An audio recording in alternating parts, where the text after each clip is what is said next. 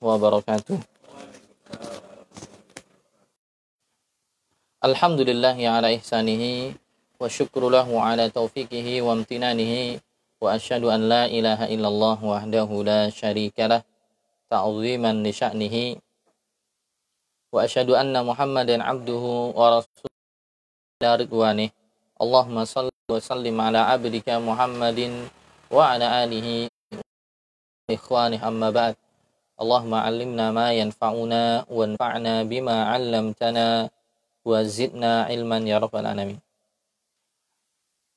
Bapak sekalian, saudara-saudaraku kaum muslimin yang saya hormati, teman-teman sekalian, sahabat-sahabat sekalian yang dirahmati oleh Allah Subhanahu wa taala, tentunya tidak bosan-bosannya untuk kepada Allah senantiasa membasahi lisan-lisan kita untuk mengucap syukur kepada Allah yang Maha Pencipta, yang Maha memberikan karunia kepada kita semua berbagai macam kebaikan dan kenikmatan yang kita rasakan tentunya itu semua adalah pemberian dari Allah SWT. Jika pemberian itu kita gunakan dalam hal yang baik, maka nanti akan menjadi pemberat timbangan amal kebaikan kita di amul kiamah. Jika hal tersebut kita sia-siakan, kita gunakan untuk hal yang tidak bermanfaat, bahkan menjurus kepada kemaksiatan, itu semua tentunya nanti akan menjadi sebab yang bisa menjerumuskan pelakunya ke neraka jahanam dan kita berlindung dari perbuatan yang demikian. Salah satu upaya untuk mengisi hari-hari kita, waktu-waktu kita dalam hal yang positif, yang bermanfaat adalah dengan mengaji bersama, mempelajari seluk-beluk agama kita, inci demi inci pengetahuan tentang akidah, tentang fikih, dan perkara-perkara syariat yang lainnya yang merupakan ini suatu hal yang wajib bagi kita semua. Sebagai seorang muslim, kewajiban itu tidak hanya sholat, kewajiban tidak hanya membayar zakat. Berpuasa juga tidak hanya berhaji, tapi lebih penting lebih penting dari itu adalah membekali itu semua dengan menuntut ilmu agama. Ya, apalah arti sebuah amalan, apalah arti sebuah didasari ilmu. Makanya Nabi SAW mengatakan dalam hadis riwayat Ibnu Majah, Nabi mengatakan talabul ilmi fardhu muslim. Menuntut ilmu agama itu hukumnya wajib atas setiap muslim. Dan pada kesempatan kali ini kita akan melanjutkan pembahasan tentang hal yang berkaitan dengan safar. Ya, berkaitan dengan perjalanan, melakukan perjalanan, merantau, safar. Ya. Karena tentunya seseorang hidup itu tidak hanya menetap di satu daerah. Ya. Seorang hidup itu tidak menetap di satu daerah saja. Ada kesempatan dia safar, ada kesempatan dia merantau, ada kesempatan dia pergi, berkelana, bekerja, mencari pengalaman di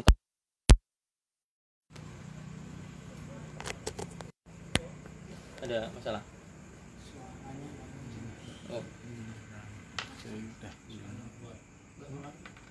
udah keluar Oke. Nah, tentunya ketika safar kita butuh ilmu ya. Safar yang bermanfaat, safar yang bermaslahat, yang bahkan bisa bernilai sebuah pahala kita pelajari di sini ya. Dan kita sudah baca beberapa adab sebelumnya, hal-hal atau adab-adab yang berkaitan dengan safar. Ada doa-doa kemarin yang kita bahas ya, doa ketika safar, kemudian hal-hal yang dilakukan ketika sebelum safar ya. Safar di hari Kamis dianjurkan safar di hari Kamis kemudian di hari Kamis dianjurkan safarnya ketika pagi hari karena pagi hari adalah waktu yang berkah. Ya kemudian ketika sebelum safar pamitan dulu kepada keluarga ya kepada kerabat kepada tetangga ada doanya ya. Kemarin astaudiullah dinaka wa amanataka wa khawatima amalik. Dan doa-doa yang lain yang kemarin sudah kita bahas ya. Kemudian dianjurkan untuk mencari teman ya dituntut untuk mencari teman ketika safar tidak safar dengan sendiri. Ya paling tidak tiga orang. Ya. walaupun kemudian dijelaskan kemarin boleh untuk safar sendiri. Untuk laki-laki ya untuk laki-laki. Boleh safar sendiri di masa sekarang. Ya di masa sekarang. Karena kondisi sekarang di era modern berbeda ya dengan uh, dengan era dahulu. Ya. dahulu banyak bahayanya marah bahaya. Ketika meninggal siapa yang menyampaikan wasiatnya, siapa yang membawa hartanya, warisannya bagaimana ketika di tengah jalan meninggal. Ya. ada sekarang mungkin ya alat komunikasi gampang kemudian juga di setiap daerah ada kantor polisi misalnya ada kejadian nanti polisi yang akan mengurusi atau pihak keamanan walaupun afdolnya tetap ya tetap safarnya tidak sendiri harus ada temennya ya untuk jaga-jaga kemudian ada ada yang lain kemarin seperti berdoa ya berdoa ketika keluar dari rumahnya. Berdoa ya di adab yang ke-15 kemarin bismillahirrahmanirrahim Allah ila haula wala quwata illa billah. Dengan menyebut nama Allah aku bertawakal ya kepadanya. Dialah Tuhan yang tidak ada daya dan tidak ada upaya kecuali dari dia semata itu dari Allah Subhanahu wa taala. Kemudian doa ketika menaiki kendaraannya. Setelah dari doa keluar rumah kemudian menaiki kendaraannya juga ada doanya ya agar Allah beri keselamatan. Ya seperti disebutkan di surat Az-Zukhruf. Doa yang mungkin sudah lancar kita baca dan sering dihafal sejak S sejak TK ya sejak TK sudah diajarkan. Ya. Subhanalladzi sakhkhara lana hadza wa ma kunna lahu muqrinin Allah yang telah menundukkan kendaraan ini dan kami tidak mampu untuk menguasainya wa inna ila rabbina lamun qalibun dan sungguh kami ya kita semua akan kembali kepada Allah Subhanahu wa taala. Doa-doa itu ya. Dan ada doa-doa yang lainnya bermacam-macam tapi salah satunya itu. Nah, sekarang kita masuk ke adab yang selanjutnya. Adab yang ke uh, eh, 16 itu tadi ya. Eh 15 yang doa 15 itu yang doa keluar rumah. Bismillahirrahmanirrahim. Yang ke-16 adalah doa ketika naik kendaraan. Doa naik kendaraan ya. Doa naik kendaraan tadi yang ada ke 16 ketika kita menaik kendaraan kita pakai motor pakai mobil atau mungkin ada yang primitif tradisional pakai kuda pakai yang lainnya atau orang sepeda. di timur uh, sepeda misalnya atau yang lainnya ya. Kita berdoa. Subhanalladzi sakhkhara lana hada wa ma kunna ya wa ma kunna lahu mukrinin wa inna ila rabbina lamun qalibun doa itu yang dibaca. Ada variasi doa yang lain yang lebih panjang, tapi yang pendek ini sudah cukup. Subhanalladzi sakhkhara lana hadza. Maksudnya Allah yang telah mendudukkan kendaraanku ini. Ya. Wa ma kunna lahu mukrinin. Yang kalau tidak dengan kekuatan Allah, nikmat dari Allah, kami tidak mampu untuk menundukkan kendaraan ini. Maksudnya menjadikan dia bisa dikendalikan dengan baik, diarahkan dengan baik. Wa inna ila rabbina lamun qalibun dan sungguh kami senantiasa atau kami semuanya atau kita semua nanti akan kembali kepada Allah Subhanahu wa taala. Misalnya di tengah jalan nah, kecelakaan ada hal-hal yang tidak diinginkan akhirnya meninggal ya kembalinya kepada Allah Subhanahu wa taala. Maka ketika diawali dengan doa itu diharapkan ya safarnya itu ketika dia meninggal di tengah jalan dia menjadi sebab dia husnul khatimah.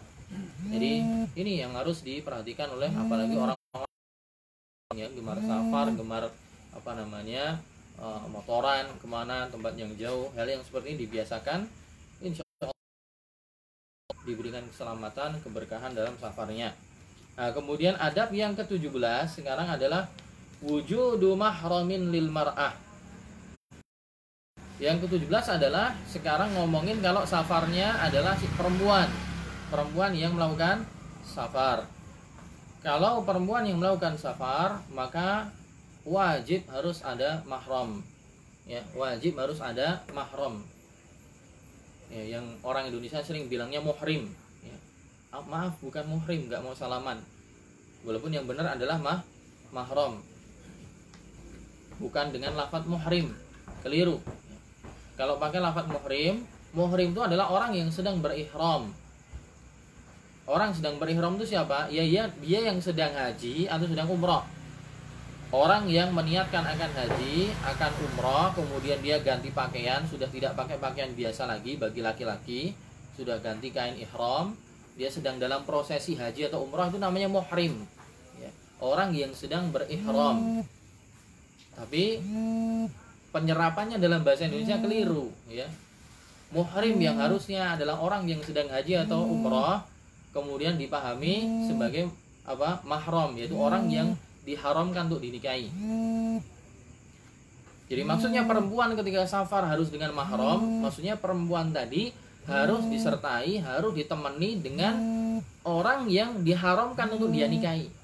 Siapa yang diharamkan untuk dia nikahi? Nanti ada banyak ya. Perempuan yang diharamkan untuk apa menikahi dia ya bapaknya. Bapaknya kakeknya anak laki-lakinya saudara laki-lakinya dan yang lainnya. Nanti akan ada rinciannya ya akan ada rinciannya. Tapi secara global bahwa perempuan ketika safar tidak boleh dia sendiri ya. Tidak boleh dia sendiri harus ada mahramnya. Dan aturan ini itu maslahat dan kebaikannya kembali kepada si perempuan itu sendiri ya adapun yang ini ya yang kondisi ini tidak kemudian dikecualikan di zaman sekarang. Kalau yang masalah sebelumnya masalah orang safar harus tiga orang ya kan? Itu ada pengecualian. Sebagian ulama kontemporer di zaman sekarang mengatakan bolehlah untuk safar zaman sekarang boleh seorang lelaki safar sendiri boleh. Kalau zaman dulu kondisi ketika marah bahaya masih banyak minimal paling enggak mereka bertiga. Seperti hadis kemarin ya. Hadis kemarin yang dikatakan bahwa Nabi SAW melarang ya. Arrakibu syaiton warrakibani syaitonani wasalah kalau dua satu orang yang safar sendiri dia bersama setan atau dia ada kemungkinan gang, diganggu oleh setan. Kalau dua orang masih sama. Kalau tiga barulah dia adalah tiga orang yang safar baru dia orang yang safar yang diperkenankan oleh syariat. Ya, walaupun kemarin akhirnya para ulama kontemporer di masa sekarang mengatakan boleh untuk laki-laki di zaman sekarang safar sendiri, tidak harus tiga orang, walaupun afdolnya minimal tiga orang. Tapi kalau perempuan zaman dulu maupun sekarang sama. Nah, bukan berarti zaman dulu Nabi mengatakan tidak boleh perempuan safar tanpa mah kecuali tanpa mahram. Oh sekarang karena zaman sekarang mudah komunikasi macam-macam bolehlah perempuan sendiri safarnya. Tidak tetap wajib ya tetap wajib disertai mahramnya. Dalilnya apa? Dalilnya banyak sekali. Hadis riwayat Bukhari Nabi SAW mengatakan la yahillu limra'atin tu'minu billahi wal yawmil akhir an tusafira masirata yaumin wa lailatin wa laysa ma'aha mahramun. Ya Nabi mengatakan la yahillu limra'atin tu'minu billahi wal yawmil akhir. Tidak halal. Tidak halal bagi perempuan yang beriman pada Allah dan hari akhir ya, tidak halal berarti haram. Tidak halal la yahillu. Tidak halal bagi perempuan yang beriman pada Allah dan hari akhir antusafira untuk dia melakukan safar sendiri ya masih rota yaumin walailah perjalanan sehari semalam. Walai sama aha mahram dan dia tidak dibarengi dengan mahramnya. Ya. tentunya perjalanan sehari semalam ini bukan dipahami kemudian sekarang yang perjalanan sehari semalam perjalanan sehari semalam itu maksudnya adalah ukuran itu sebagai ukuran masafah atau ukuran berapa jarak dikatakan sah safar. Nah, itu kembali lagi nanti khilaf ulama tentang masalah berapa sih ukuran seseorang dikatakan sudah melakukan sah safar. Seperti pembahasan sebelumnya ya. Jumhur ulama mengatakan melakukan perjalanan sehari semalam itu ukuran sekitar 70 atau 80 kilo ya sekitar 83 kiloan. Ada yang mengatakan gitu. Ada yang mengatakan ya kurang sedikit 70 kiloan. Intinya sekitar 70 80 kiloan. Sebagaimana pendapat para sahabat kemarin seperti perjalanan kalau di Mekah dari Mekah ke Taif. Ya orang melakukan perjalanan dari kota Mekah ke kota Taif atau dari kota Mekah ke kota Jeddah. Itu sehari semalam kalau ukuran perjalanan di zaman Nabi dahulu ya dengan kendaraan onta atau kuda perjalanannya sedengan ya tidak terlalu kencang tidak terlalu lambat. Nah, kalau dikonversi ke kilo kilometer ya sekitar tadi 70 80 kilo. Walaupun kemarin kita katakan juga ada ulama yang mengatakan ukuran safar itu dikembalikan kepada ur, Ya, seperti Ibnu Taimiyah dan yang lainnya. Ibnu Taimiyah dan yang lainnya mengatakan ukuran seorang dikatakan safar itu safar itu kembalikan kepada ur, Kembalikan kepada makna yang disepakati oleh suatu daerah. Di daerah itu perjalanan sekian dikatakan safar, ya udah itu safar. Cuman kalau kita mengambil pendapat itu susah ngukurnya. Cirinya mengambil pendapat 70-80 kilo baru dikatakan sah safar. Berarti kalau ada orang ya yang melakukan safar perempuan sekitar safar sekitar 80 km kok nggak ada mahramnya? Maka dia terlarang. Misalnya dia melakukannya dia berdosa karena buat rambu-rambu syariat. Dalam lafat yang lain ya dalam lafat yang lain hadis riwayat muslim la yahillu limra'atin muslimatin tusafiru masirata lailah tidak halal bagi perempuan muslimah kalau tadi perempuan beriman pada Allah dan hari akhir. Kalau ini pada perempuan muslimah. Untuk melakukan safar ya perjalanan semalam. Illa wa ma'aha rajulun dzu hurmatin minha. Kecuali dia harus dibarengi dengan laki-laki yang punya hubungan keharaman dengan dia. Maksudnya hubungan mereka berdua nggak boleh nikah diharamkan. Kenapa namanya mahram? Karena mereka berdua nggak boleh nikah. Selama lamanya ya selama lamanya perempuan dengan bapaknya perempuan dengan kakeknya perempuan dengan pamannya perempuan dengan saudara laki-lakinya nggak boleh nikah selama lamanya maka yang nemenin dia ya. Yang nemenin si bapaknya atau kakaknya atau yang lainnya.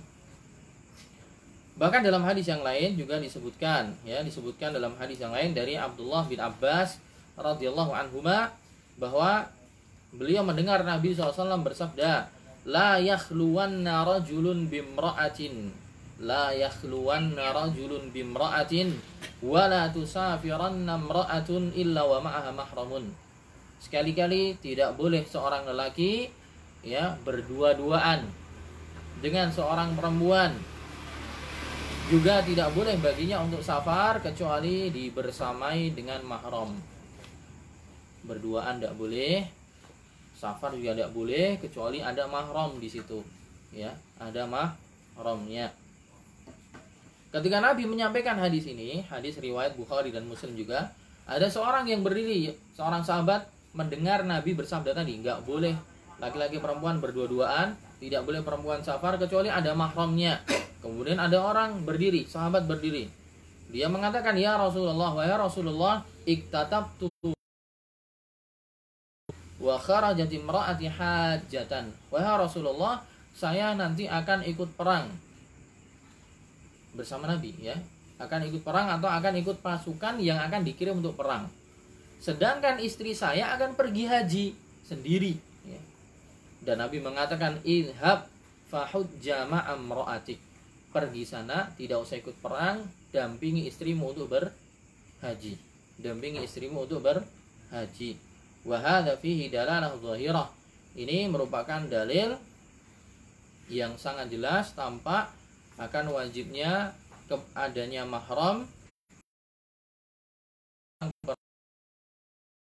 Rasulullah memerintah Padahal perkara perang besar ini juga dibutuhkan. Tapi Nabi mengatakan udah nggak usah ikut perang, temani istrimu untuk berhaji. Al-Imam Nawawi rahimahullah menjelaskan dalam Syarah An-Nawawi ya, Al-Minhaj fi syarh fi syarhi Sahih Muslim Ibn Al-Hajjaj dalam kitab beliau Al-Minhaj Syarah Sahih Muslim Ibn Al-Hajjaj. Beliau punya syarah ya syarah dari kitab Sahih Bukhari paling bagus itu adalah Fathul Bari oleh Ibnu Hajar al Asqalani itu syarah terbaik. Adapun syarah terbaik untuk Sahih Muslim itu syarah Imam Nawawi.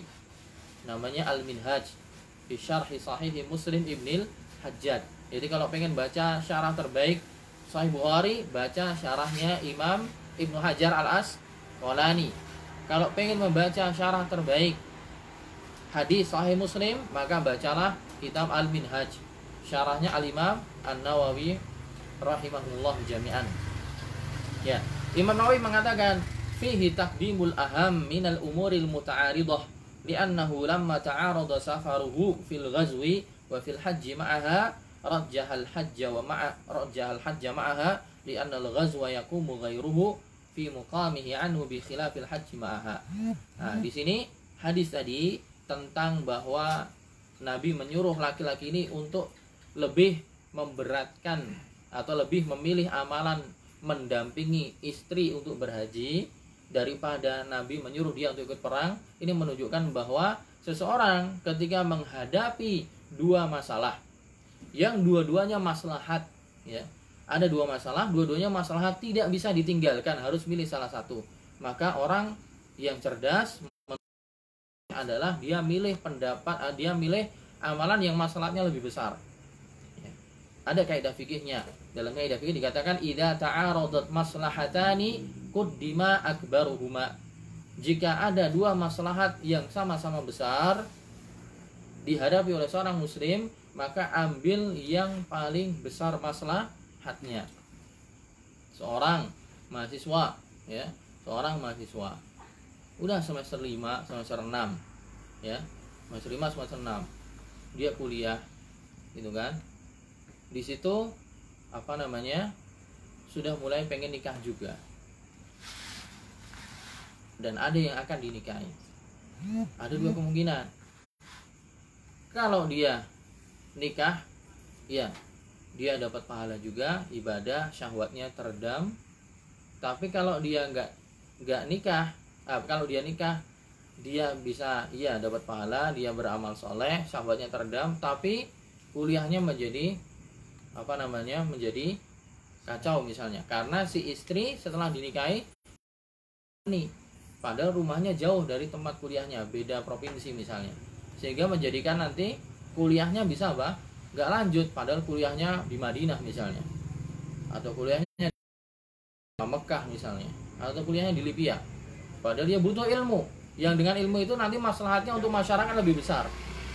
Harus milih antara nikah sama dia kalau nggak mau maka diserobot orang lain atau lanjut kuliahnya. Dengan dengan kuliahnya diselesaikan ilmunya dapat banyak masalahnya lebih besar. Nah, dia harus milih. Ada dua masalah ini. Antara masalah ini ya dia dapat perempuan yang salihah ya. Kemudian apa nafsunya bisa teredam dia juga ini bagian dari ibadah juga. Tapi berpotensi nanti kuliahnya kacau. Atau milih yang satu. Tetap kuliah ya ini ditinggalin tapi diserobot orang insya Allah nanti ada gantinya yang lain. Tapi masalahnya lebih besar. Dan dia harus milih. Kalau ada dua masalah seperti ini ambil masalah yang lebih besar. Sama dengan ini tadi. Orang ini dihadapkan dua hal. Antara satu ikut perang itu masalah juga yang satu mendampingi istri untuk haji ya. Maka diambil yang mendampingi istri untuk haji. Karena ketika istrinya haji sendirian padahal tempatnya jauh dari Madinah ke Mekah ya. Jauh sekali pakai bus saja di atas 100 km per jam di tan apa di jalan seperti tol itu butuh 5 sampai 6 jam. Berapa? Zaman Nabi dulu perjalanannya nggak ada bus nggak ada pesawat nggak ada tol. Jalan pakai apa onta pakai kuda berapa hari yang dibutuhkan? Masa istrinya suruh sendiri haji pergi ke sana? Nah, Abu Salam menyuruh apa? Ini mendampingi haji agar istrinya tidak berdosa dan juga agar istrinya dapat keamanan. Adapun masalah perang ketika dia mengundurkan diri ada yang ganti yang lain. Dua-duanya masalah tapi disuruh ngambil masalah yang lebih besar. Nah ini nanti jenengan dalam menghadapi masalah yang seperti itu ketika ada dua masalah yang dua-duanya masalah dua-duanya bagus misalnya orang ya di waktu musim kurban ya di waktu musim kurban ibadah kurban. Di tanggal 10 11 12 13 ini kan waktu kurban. Waktu kurban kan boleh nyebelih tanggal 10 itu paling afdol. Boleh nyebelih tanggal 11 Dhul Hijjah boleh 12 13 hari tasyrik. Terakhir hari tasyrik tanggal 13 ternyata di hari yang sama dikasih rezeki oleh Allah momongan istrinya habis melahirkan. Dan itu sudah apa? Sudah hari ketujuh misalnya. Dan disunahkan untuk menyembelih aki akikoh. Mana ini? Uangnya mepet ya. Cuma uangnya satu juta aja. Cuman bisa untuk beli satu kambing. Mana yang didahulukan? Apakah ataukah dia korban dulu dulu? Bingung. Dia pengen ada sisa uang ada materi lebih. Tapi ya cukup untuk salah satu aja nggak nggak bisa untuk beli dua. Nah, pilih salah satu maka dia pilih yang masalahnya lebih besar. Mana? Kurban. Kurban lebih besar. Kenapa? Karena kurban itu hukumnya wajib. Ya. tapi kalau akikah disepakati dia hukumnya sunnah kada dan akikah waktunya lebih panjang. Ya, misalnya nggak bisa hari ketujuh bisa hari ke-14 nggak bisa hari ke-14 hari 21 nggak bisa maka kapan pun silahkan. Yang penting anaknya belum balik. Yang penting anaknya belum balik. Berarti waktunya lebih lebih panjang. Adapun kurban tiap tahun ya cuman waktunya empat hari doang. Ya tanggal 10 11 12 13 ya nanti apa namanya uh, terlewatkan. Udah kurban dulu pahalanya lebih besar. Karena dia mengatakan wajib insya Allah nanti Allah beri rezeki dilonggarkan bisa beli kambing untuk ngagikoi anaknya nah ini kalau ada dua seperti ini pilih yang lebih besar maslahatnya ya maslahatnya ganjarannya lebih besar Tapi kita lanjutkan lagi Kenapa perempuan tadi nggak boleh safar kecuali harus dengan mahram? Hikmahnya oleh para ulama disebutkan siyanatul mar'ah wa hifdzuha likusuriha fid difa'i an nafsiha wa hiya matma'ur rijal. Ya. Sebenarnya kenapa perempuan safar nggak boleh sendiri harus dengan mahram? Ya hikmahnya, pelajarannya, masalahnya kembali pada si perempuan itu sendiri. Untuk apa? Untuk melindungi dia, untuk menjaga dia, ya untuk melindungi perempuan, menjaga perempuan.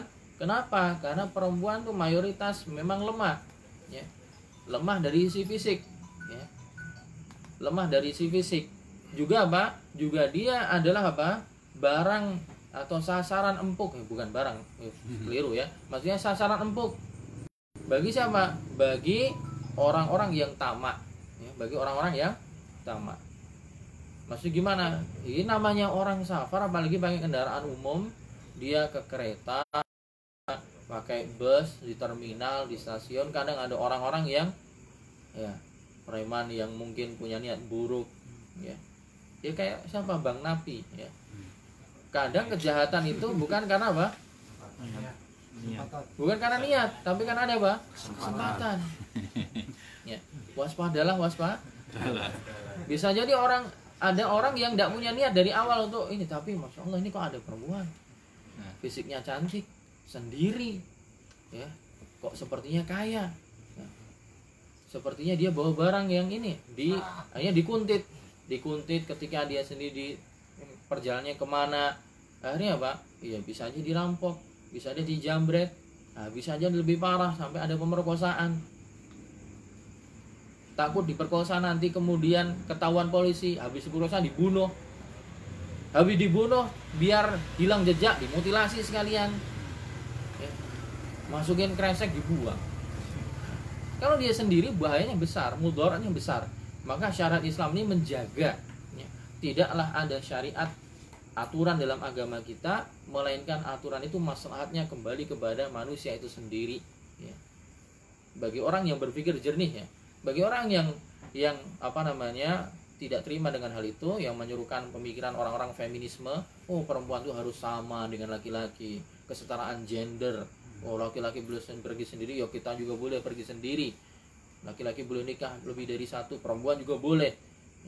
Laki-laki dapat warisan banyak perempuan juga harus sama harusnya dan yang lainnya padahal Allah maha tahu tentang makhluknya berapa jatahnya berapa ukurannya apa yang harus dilakukan untuk masing-masing personal beda antara perempuan dengan laki-laki. Salah satunya adalah masalah safar.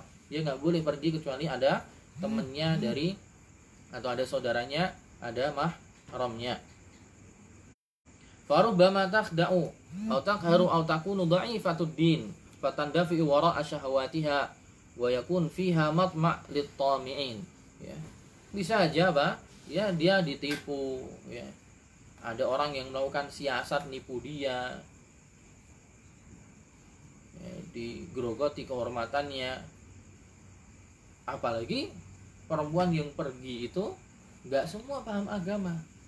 Ada yang agamanya lemah yang paham agama dia pergi pakai hijab full ya pakai hijab yang sempurna baju yang tebal tidak mengundang apa namanya pandangan laki-laki. Tapi walaupun demikian tetap bahaya. Yang demikian aja bahaya apalagi yang pergi apa? Celananya jeans. Bajunya tank top. Ada yang dibuka-buka. Matanya pakai apa namanya? Apa itu? Lensa. Apa lensa? Lensa kontak pokoknya menarik sekali pokoknya ketika laki-laki normal melihatnya pasti apa? Kecuali yang gak normal ya. Bagi orang-orang yang masih normal menjadikan dia sosok apa? Tujuan apa namanya? Pusat perhatian.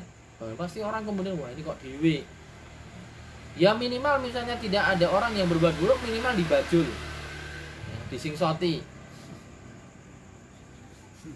kalau dia kemudian ngasih respon kan bisa bahaya lagi dideketin dan yang lainnya intinya bahaya ya. Adapun keberadaan mahram wal mahramu yahmiha wa yasunu irdaha wa yudafi anha. Adapun keberadaan mahram, maka mahram ini bapaknya atau kakaknya atau adiknya ya atau pamannya dia akan melindunginya, melindungi kehormatannya, melindungi fisiknya. bahaya. Makanya dalam syariat di di apa disyariatkan dituntunkan harus ada mahramnya. Tapi mahramnya jangan anak kecil. Disyaratkan adalah yang sudah balik dan berakal bukan yang masih ke kecil ya yang balik yang berakal sehingga dia paham juga dan ketika ada kemungkinan-kemungkinan mudarat secara fisik dia bisa membela. Nah, setelah kita paham bahwa perempuan safar yang harus dengan mahram, nah kita sekarang mau mengenal mahram itu siapa? Ya. Mahram untuk perempuan ya. Ada dua sisi nanti, ada mahram laki-laki perempuannya siapa, ada mahram untuk perempuan laki-lakinya siapa. Nah, karena di sini sedang ngomongin perempuan, maka kita pengen tahu mahramnya perempuan itu siapa aja. Gitu. Mahramnya perempuan itu siapa saja.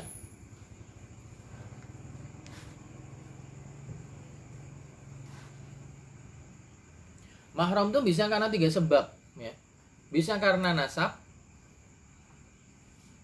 nasab. Mahram itu bisa karena tiga sebab. Bisa karena nasab, yaitu garis keturunan. Bisa karena musoharah, musaharah itu adalah uh, hubungan sama yang ketiga mahram gara-gara sepersusuan karena dulu pas kecil masih bayi menyusu kepada ibu yang sama ketiga ya karena nasab ya karena nasab karena uh, besanan dan karena sepersu kesusuan ya Baik. Nah, siapa yang yang boleh mendampingi apa namanya istri atau eh, mendampingi perempuan? Pertama suaminya. Ya, suami tapi bukan mahram sebenarnya ya. Suami itu bukan mahram. Suami itu orang akad nikah dia jadi halal. Jadi berdua boleh berduaan gitu. Tapi sejatinya dia bukan mah mahram. Mahram kan orang yang diharamkan nikah. Ini kan udah dinikahi. Jadi suaminya dia dulunya adalah orang asing cuman karena akad pernikahan akhirnya menjadikan mereka halal untuk menjalin hubungan.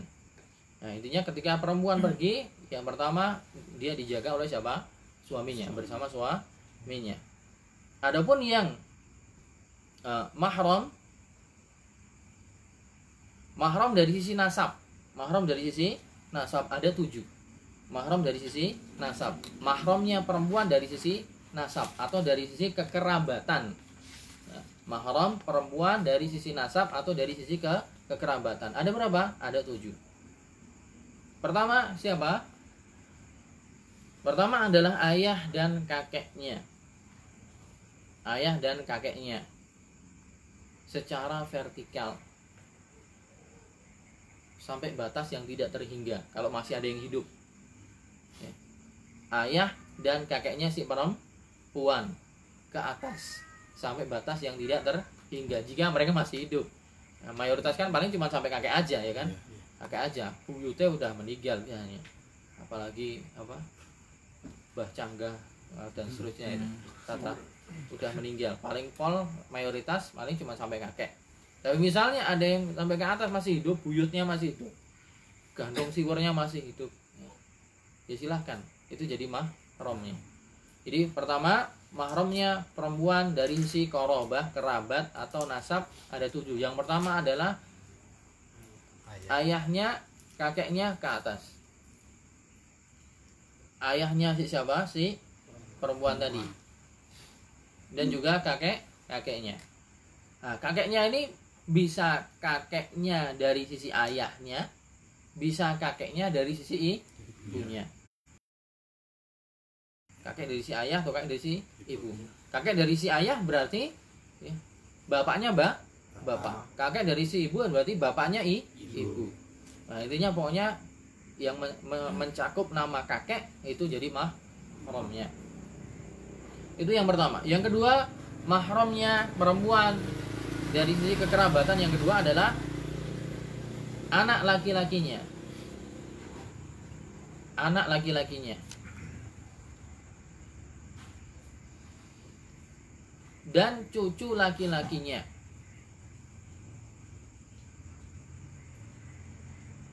Anak laki-lakinya dan cucu laki-lakinya. Ke bawah. Sampai tidak terhingga. Kalau memang ada. Ke bawah tidak terhingga kalau memang ah, ada.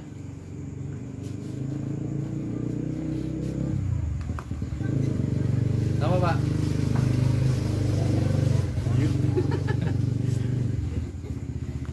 ya jadi yang kedua adalah anak laki-laki ya.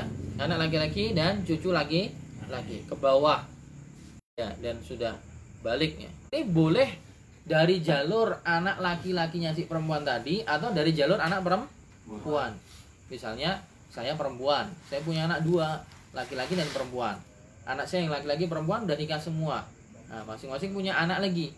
Laki-laki laki-laki. Berarti cucu saya laki-laki ada yang dari jalur anak laki-laki saya ada yang dari jalur anak perempuan saya. Yang penting cucunya tadi laki-laki maka itu jadi mahramnya si perempuan tadi ya. Jadi jalur apa namanya mahram yang kedua adalah yang pertama tadi dari sisi ayah dan kakek ke atas yang kedua adalah anak dan cucu ke bawah. Yang ketiga adalah mahram perempuan yang ketiga adalah saudara. Saudara baik kandung, seayah atau seibu. Saudara, baik kandung, seayah ataupun seibu. Saudara kandung, seayah ataupun seibu. Saudara kandung gimana? Berarti bapak ibunya sa? sama. Sama. Seayah gimana? Sama ya. Ayahnya sama, ibunya B? Beda. Beda. Nah, ayahnya sama, ibunya B?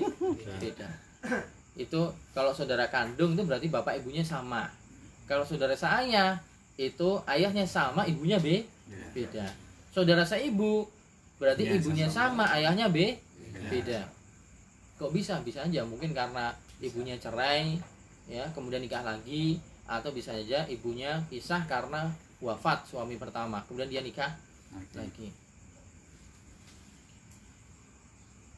nah kemudian yang keempat mahram yang keempat dari si perempuan adalah ponakan. Ponakan laki-laki.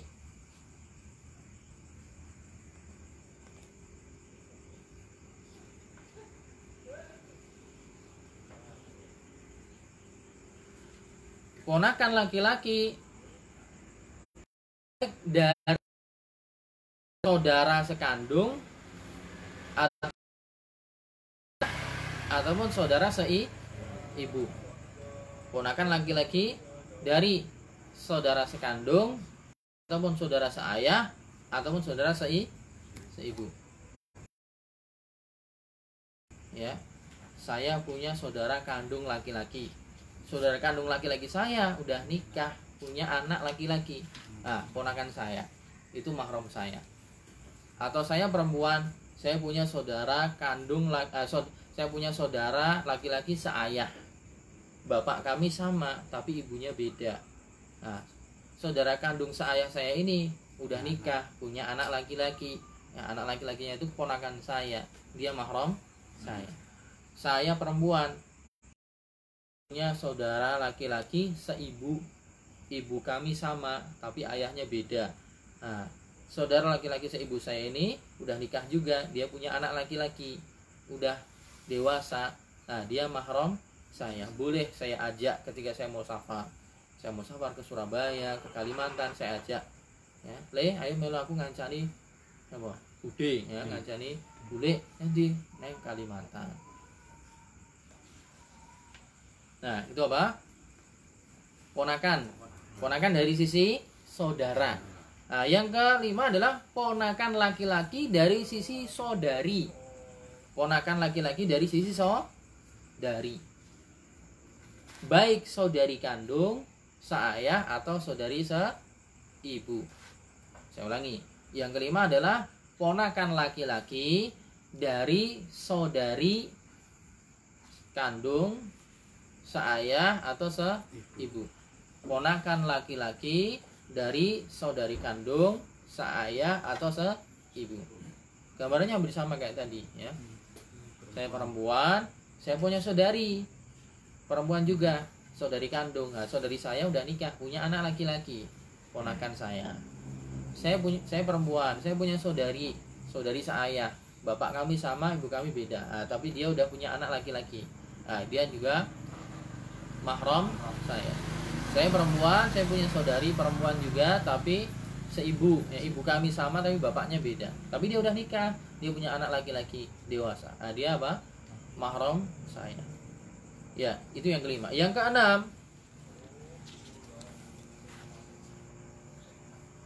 Paman. Paman dari sisi ayah.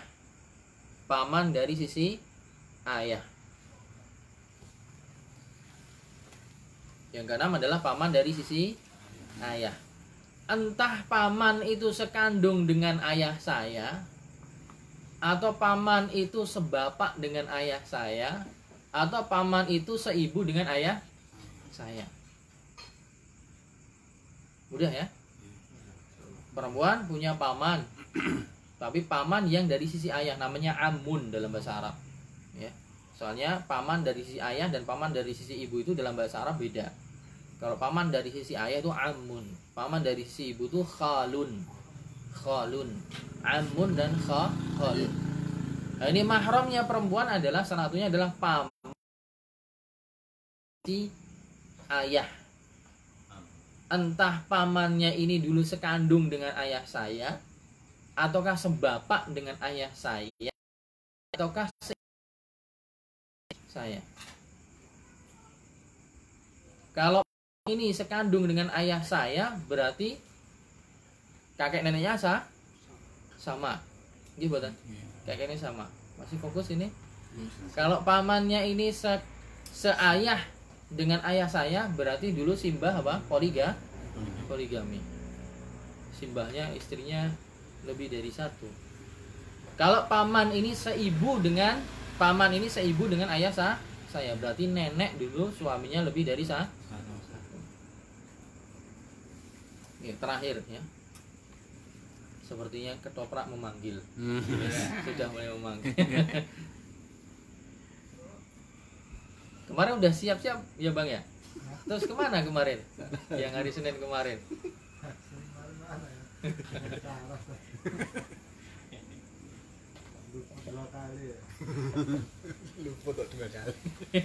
Yang ketujuh ya masih ini mahram perempuan dari sisi kerabat atau nasab ya. Yang ketujuh adalah paman dari sisi ibu. Ya, berarti perempuan punya ibu ibunya tadi punya kakak atau punya adik laki-laki ya perempuan punya ibu ibunya perempuan tadi punya kakak atau adik laki nah ini paman dari si ibu entah si paman ini sekandung dengan ibu ayah dengan ibu ataukah seibu dengan i? Ibu. Gimana seibu dengan ibu ibunya sama.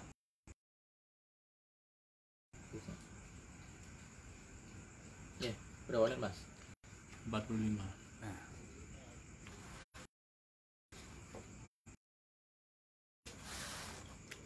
Masih banyak ya? Itu dulu kita ajukan sekian pembahasan tentang mahram. Mahram dari sisi nasab atau kekerabatan uh, ada tujuh ya ada tujuh. Besok masih ada pembahasan tentang mahram dari sisi karena besanan dan juga mahram dari sisi uh, rodoah atau sepersusuan. Mungkin itu saja semoga bermanfaat. Kita cukupkan sekian. Subhanallahumma bihamdika asyhadu an la ilaha illa anta astaghfiruka wa atubu ilaik assalamualaikum warahmatullahi wabarakatuh. Waalaikumsalam warahmatullahi wabarakatuh. Nanti dijawab ya Tan apa itu